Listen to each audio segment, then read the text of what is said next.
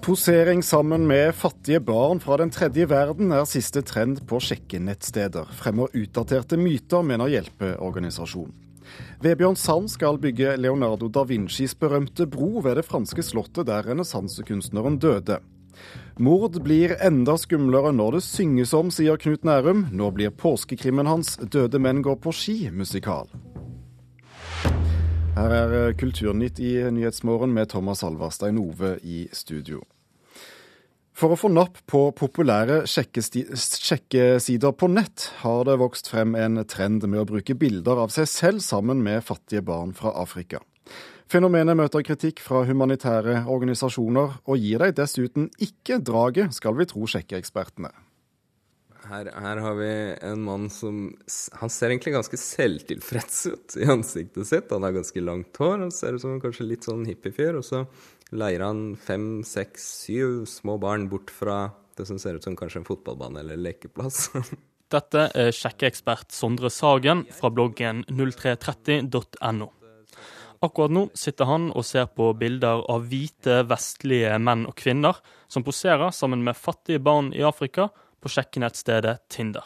Her har vi en dame med en hårbøyle som holder et lite barn på noe som ser ut som et barnehjem. Her har vi en kar som står uh, ute på et uh, fint grønt jorde, omgitt av det som ser ut som en uh, skoleklasse med jenter i skoleuniform fra et afrikansk land.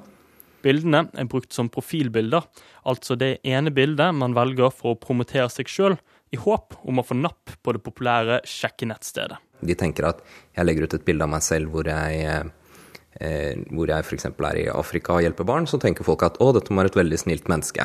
Eh, men egentlig så er det jo sånn at folk tenker hm, hvorfor har vedkommende valgt å legge ut dette bildet her på Tinder?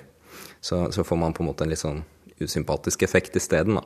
Å bruke fattige barn man ikke kjenner for å på en måte få seg en eh, kjæreste eller komme på date, det er noe som jeg iallfall vil oppfordre folk til å tenke seg om to ganger før de gjør. Det sier lederen for studentenes og akademikernes internasjonale hjelpefond, Jørn Vikne Pedersen.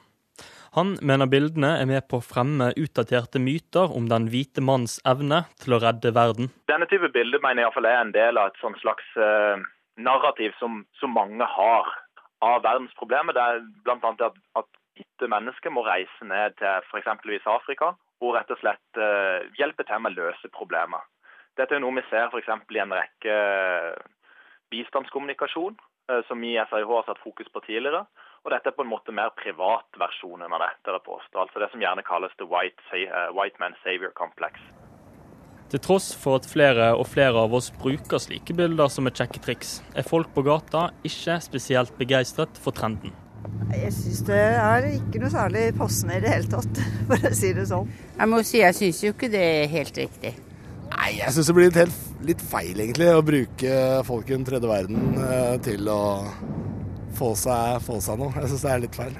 Heller ikke psykolog Peder Kjøss har tro på fenomenet. For de som er mer sånn kyniske og, og, ser at dette er en klisjé fordi de følger med litt, så, så, er det jo klart at det vil jo falle gjennom. For da vil jo alle, da vil man jo se at at du er en vandrende klisjé, på en måte. da. Han mener fasaden som godhjertet verdensborger fort vil bli revet ned på et eventuelt stevnemøte, og mener trenden har sine røtter i kjendiskulturen. Dette her er jo en klisjé som kommer fra kjendismedia. Det er jo eh, Angelina og um, Mette-Marit, det, det, er jo Madonna, det er liksom de folka vi Eller Bob Geldof, da, som er vant til å se i den typen situasjoner. Det er sjekkeekspert Sondre Sagen enig i, men det er ikke gitt at mannen i gata klarer å imponere på samme måte. Det funker veldig fint når du ser Brad Pitt der i Afrika og hjelper, uh, hjelper barn som har det vanskelig, når det står i en avis. Det funker ikke like bra hvis en person som du ikke vet hvem er, tar et bilde av seg selv og gjør det samme, og så velger selv å legge det ut på datingprofilen sin. Der tror jeg mye av kjernen ligger. Reportere i dette innslaget det var Åsta Hoem Hagen og Jarand Ree Mikkelsen.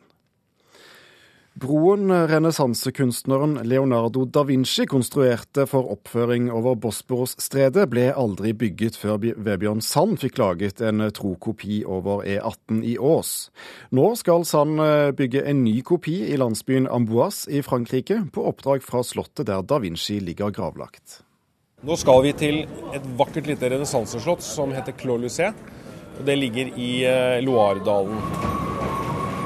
Vi er på toget på vei til den franske byen Amboise, der Leonardo da Vinci er gravlagt, og levde de siste tre årene av sitt liv. Nå skal en av de største europeiske begavelser hedres for sine fremtidsvisjoner. Og da er det kunstneren Vebjørn Sand museet ber om hjelp.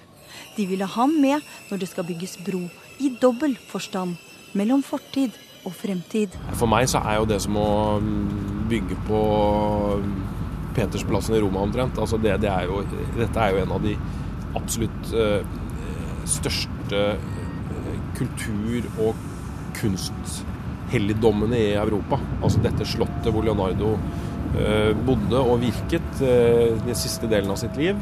Så, så det er jo det flotteste og største jeg har vært med på og vært invitert inn i. Helt, helt klart. I det maleriske landskapet, som ofte omtales som Frankrikes hage, ble Mona Lisa ferdigmalt, broer konstruert og vitenskap satt ut i livet. I parken rundt slottet Clolycé er oppfinneren, vitenskapsmannen og kunstneren hedret med 40 installasjoner. Men én bro mangler.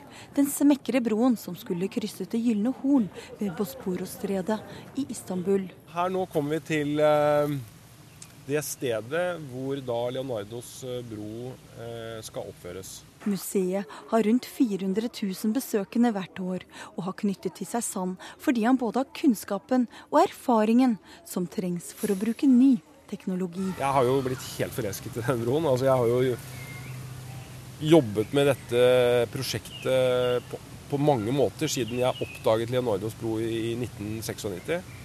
Eh, og det resulterte jo i den første, da, som står i Ås kommune. Eh, og det var jo første gangen, faktisk, at et fullskalaprosjekt basert på Leonardos arkitektur og ingeniørkunst var blitt bygget. Med seg til Frankrike har han Åge Holmestad, som er sjef for tregiganten Moelven. De var med da broen over E18 på Ås ble oppført. Nå vil de samarbeide med kunstneren på nytt. Vi har vært med å bygge Leonardo-brua i Ås, og da var det jo naturlig for Vebjørn å komme til oss når han skulle bygge ei Leonardo da Vinci-bru i, i, i Frankrike også. Og så er det et, eh, på en måte en teknologisk utvikling også i forhold til den Leonardo-brua som eh, var bygd i Ås, som det er snart 15 år siden den var bygd. Francois Sambri har vokst opp på Slottet og er i dag president for museet. Han sier det er ekstra spennende å bygge en bro basert på 500 år gamle tegninger med moderne teknologi. Nice to, to, to og reporter i eh, Frankrike, det var Anette Torjussen.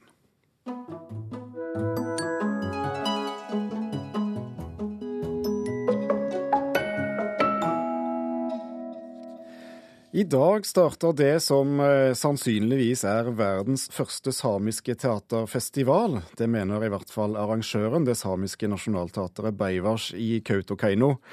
Og god morgen, Hauker Gunnarsson, teatersjef for eh, Beivars. Ja, god morgen. Hvorfor uh, lager dere nå en egen samisk teaterfestival? Det har vært en drøm i mange år. og påsken er en veldig spesiell høytid her i Kautokeino. For her kommer folk til bygda. Det er massevis av tilreisende. Det er tradisjonelt. Det er en uh, et samlingssted i påsken hvor da konfirmasjon og bryllup osv. Fant sted. Og Det har utviklet seg til en festival hvor da hovedvekten har vært på musikk. Men, men vi har ønsket å få inn også teater. Og, og, siden vi nå i år er i den fantastiske situasjonen å ha tre nye stykker på repertoaret Ja, Hva får publikum oppleve? Får, er, vi har tre, uh, tre, nye produksjoner, og det er da uh, en urpremiere i dag på et stykke som heter uh, eh, 1814, en western fra vidda. western fra vidda? En, en, western fra vidda.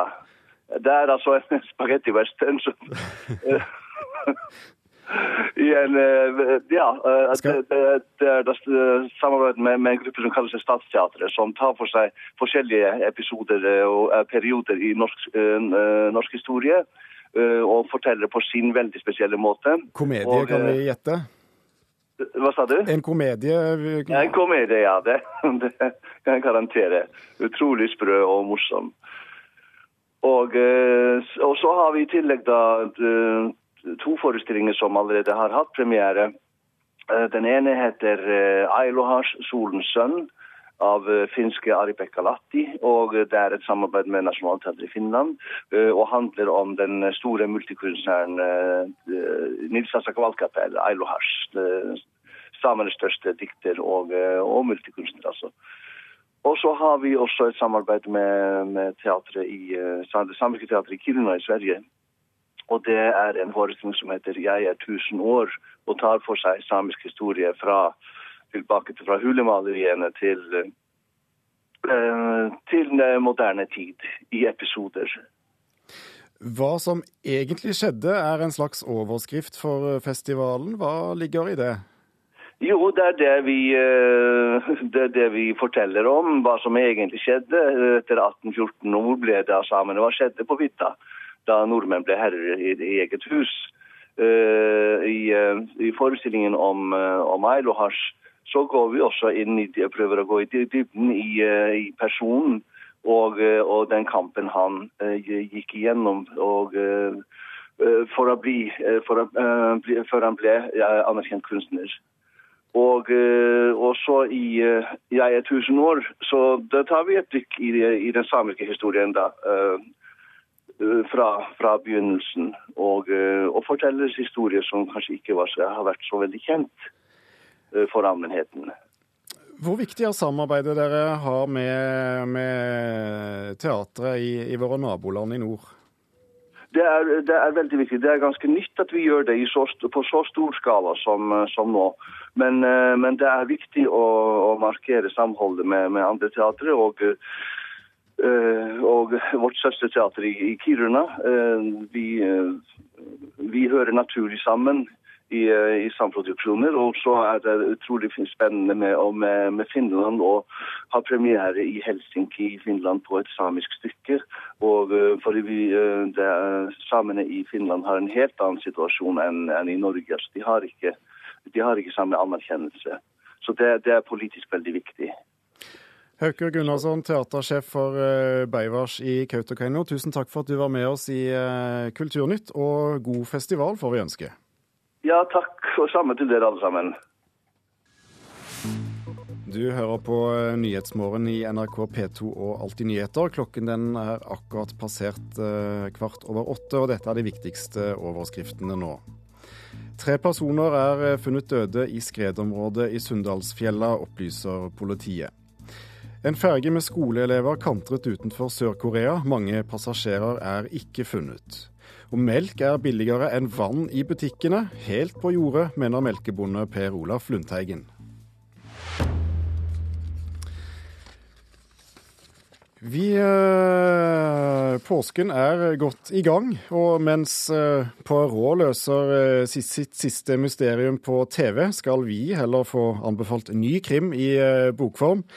Litteraturanmelder Leif Ekle her i NRK, du har tatt med deg to, to bøker i dag. Først til 'Gravrøys' av svenske Johan Theorin. Dette er siste bok i den såkalte Ølandskvartetten. Ja. Har den vært verdt å vente på? Ja, i og for seg. Og det har jo gått en stund siden nummer um, tre kom. Blodla, blodleie heter det på norsk. Det tror jeg faktisk er fire år siden.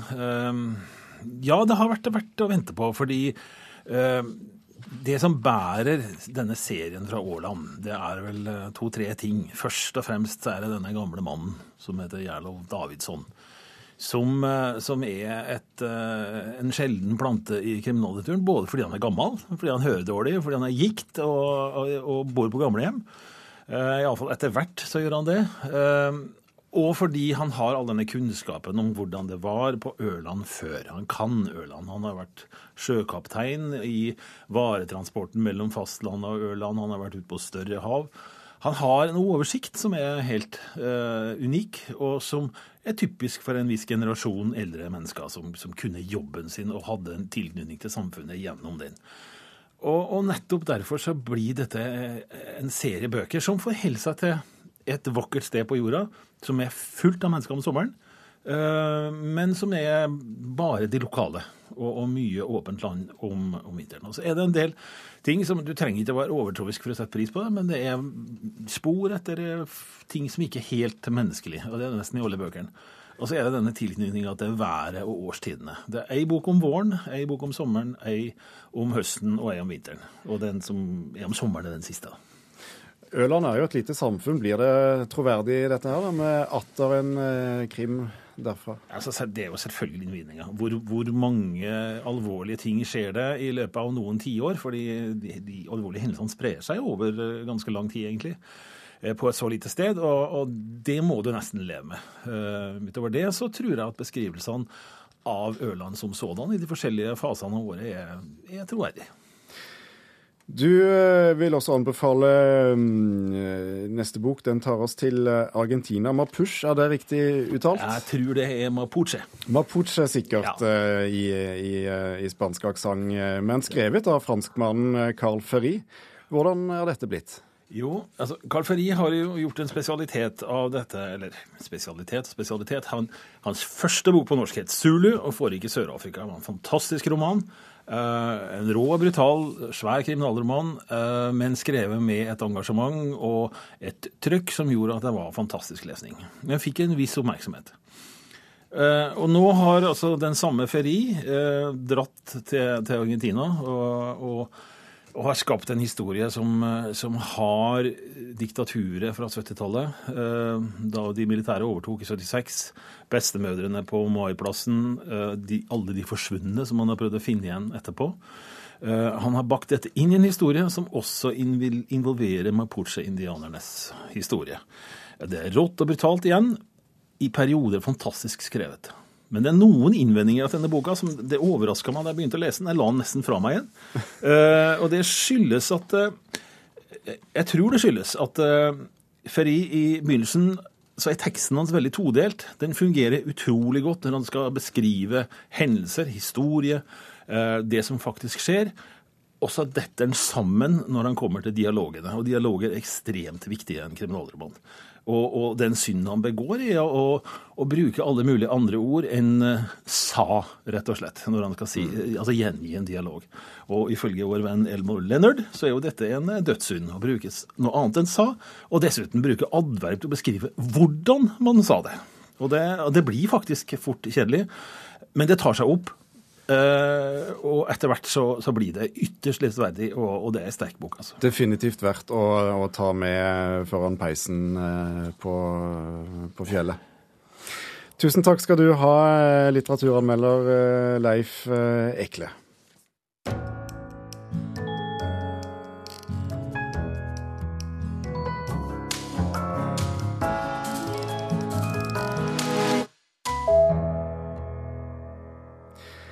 I går fikk eh, Kinas filmarkiv overrakt en eh, sjelden filmskatt fra Nasjonalbiblioteket her i Norge under en seremoni i Beijing.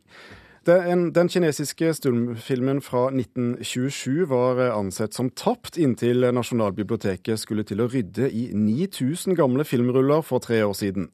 Den gamle nitratfilmen er blitt restaurert her i landet og har nå kommet hjem igjen. Asia-korrespondent Anders Magnus, eh, vi har fortalt om denne filmen før her i Kulturnytt, men gi oss en liten påminnelse om hvorfor den er så viktig i kinesisk filmhistorie. Denne filmen, 'Pansedong', som den heter på kinesisk, og eh, 'Edderkoppen', som den eh, fikk navn på norsk da den ble vist i Norge i 1929, den er spesiell på den måten at det er en slags trendsetter innenfor kinesisk filmdrama på den tiden. Dette var jo nokså eh, ferske ting i kinesisk filmhistorie, allerede fra 1927. Og det er jo stumfilm vi snakker om her, i svart-hvitt. Så eh, det er veldig overdrevet. Det sies jo ingenting, men eh, det er store fakter og mye geberder og lett å følge med. Og så har vi jo disse plakatene innimellom med, med tekst om hva som skal sies som driver handlingen framover også. Eh, det var altså en seremoni i Beijing i går, eh, og kineserne takket for gaven fra talerstolen. Men, eh, men, du og andre norske journalister fikk ikke snakke med dem om filmen i går. Hvorfor ikke det? Ja, Det er jo veldig spesielt eh, å oppleve som eh, relativt arrogant fra kinesiske myndigheters side. Det som skjedde, var at jeg ba om å få en kommentar fra hun som tok imot filmen på vegne av dette kinesiske filmarkivet, som var visedirektør. Selve direktøren var i barselspermisjon. Uh, og svaret var at nei, jeg kunne ikke få et intervju med henne fordi hun var på for høyt nivå i forhold til å bli intervjuet av Norge, som jo kineserne, eller kinesiske myndigheter, må vi understreke, jo boikotter. det er jo ingen offentlige personer i Kina som vil la seg intervjue av NRK. Og, og, dette har man da altså videreført til dette nivået. Hun var, eh, Visedirektøren var en smilende og hyggelig dame, men hun har åpenbart fått beskjed ovenfra at, eh, og for henne å gi uttalelser eh, til norsk fjernsyn, det ville være i strid med den boikotten som kinesiske myndigheter har overfor Norge, og som da også gjelder på et så, såpass lavt nivå, såpass obskurt skal vi si, nivå som et kinesisk filmarkiv. Tror du Nasjonalbiblioteket hadde regnet med en slik oppførsel da de inviterte til Festivitas i går? Nei, jeg tror nok ikke det. Jeg tror nok de hadde regnet med at dette kun skulle være en uh, hyggelig uh, begivenhet som kanskje kunne myke litt opp i forholdet mellom Kina og Norge. Det var jo veldig mange uh, til stede som var opptatt av filmen som sådan, og veldig glad for at den ble Eh, tilbakeført til eh, det kinesiske arkivet. Så jeg tror nok det også kom som en overraskelse på Nasjonalbibliotekets representanter, som, eh, som jo har blitt møtt med veldig velvillighet og takknemlighet fra sine kinesiske motparter. Men altså, de som er på nivå over de i arkivet, de har bestemt at Norge skal boikottes også på det kulturelle området. Tror du det er en fare for at denne håndsrekningen fra Norge nå blir eh, misbrukt i eh, Beijing? Nei, eh, det, er, det, har vært mye omtale av denne overrekkelsen av denne kopien av den gamle filmen på kinesiske medier i dag. Og det har vært mye snakk om hva slags film det var, hvordan den ble restaurert, og veldig mye fakta og detaljer i, i foreløpig ingen, eh, ingen har nevnt noe om at man er takknemlig for at Norge har gitt denne eh, flotte gaven. Men det har heller ikke vært noe snakk om at, eh, at man, om det problematiske forholdet til Norge. Det unngår jo kinesiske medier å, å snakke om. Det er, det er, ikke lov å fortelle om denne boikotten i kinesiske medier. Tusen takk skal du ha, Anders Magnus, for at du var med oss fra Beijing på morgenkvisten. Påskekrim må ikke nytes i eh, bokform nødvendigvis. Snart kan du nemlig både se og høre Knut Nærums påskekrim 'Døde menn går på ski', når boken nå blir til musikal. Musikken er av Ingrid Bjørnov, og ifølge forfatteren selv blir krimmen enda skumlere når den synges.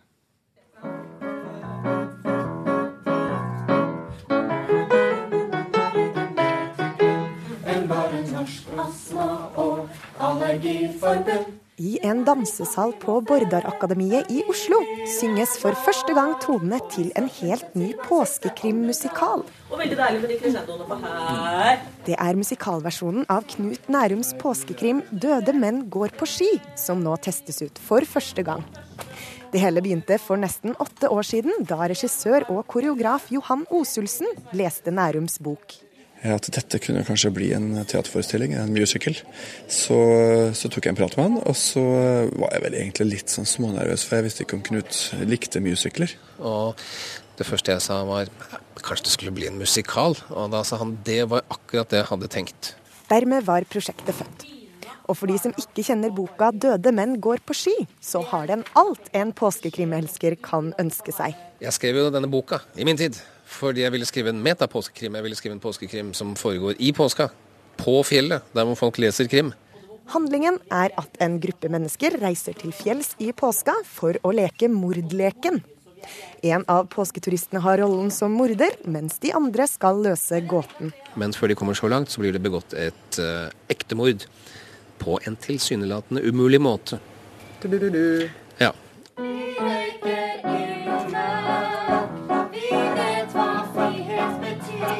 Både Osulsen og Nærum mener krimsjangeren er som skapt for musikalen.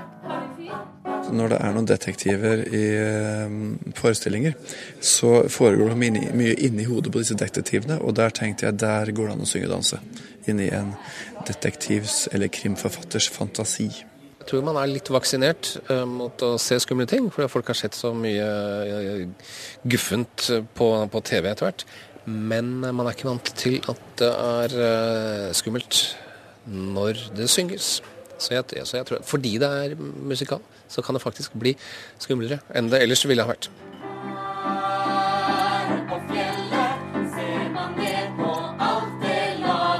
Musikken er skrevet av Ingrid Bjørnov.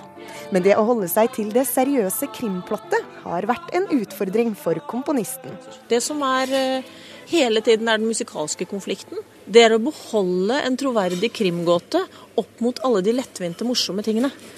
For jeg er jo den første til å på en måte ta et refreng og stikke. Jeg synes jo, ikke sant, Og så modellerer jeg, og så kunne det kommet inn dansere. Altså, jeg blir så begeistret i øyeblikket at jeg er villig til å forsake både plott og dramaturgi til fordel for et godt refreng. Bjørnov lover at musikken vil være gjenkjennelig for både påskeelskere og krimfantaster. Den er skrevet med stor kjærlighet til krimsjangeren som sådan. Altså alt fra små hint til gamle kjellingsmelodier til en sånn Egil Monn Iversen eh, Sigurd Jansen, 'Vinter og sne', Wenche Myhre. Altså, vi prøver å, prøver å smelte sammen en del referanser som nok er ganske norske og kvikklunsjete. Foreløpig har ikke påskekrimmusikalen fått noen premieredato. Men eh, kommer snart i en påske nær deg.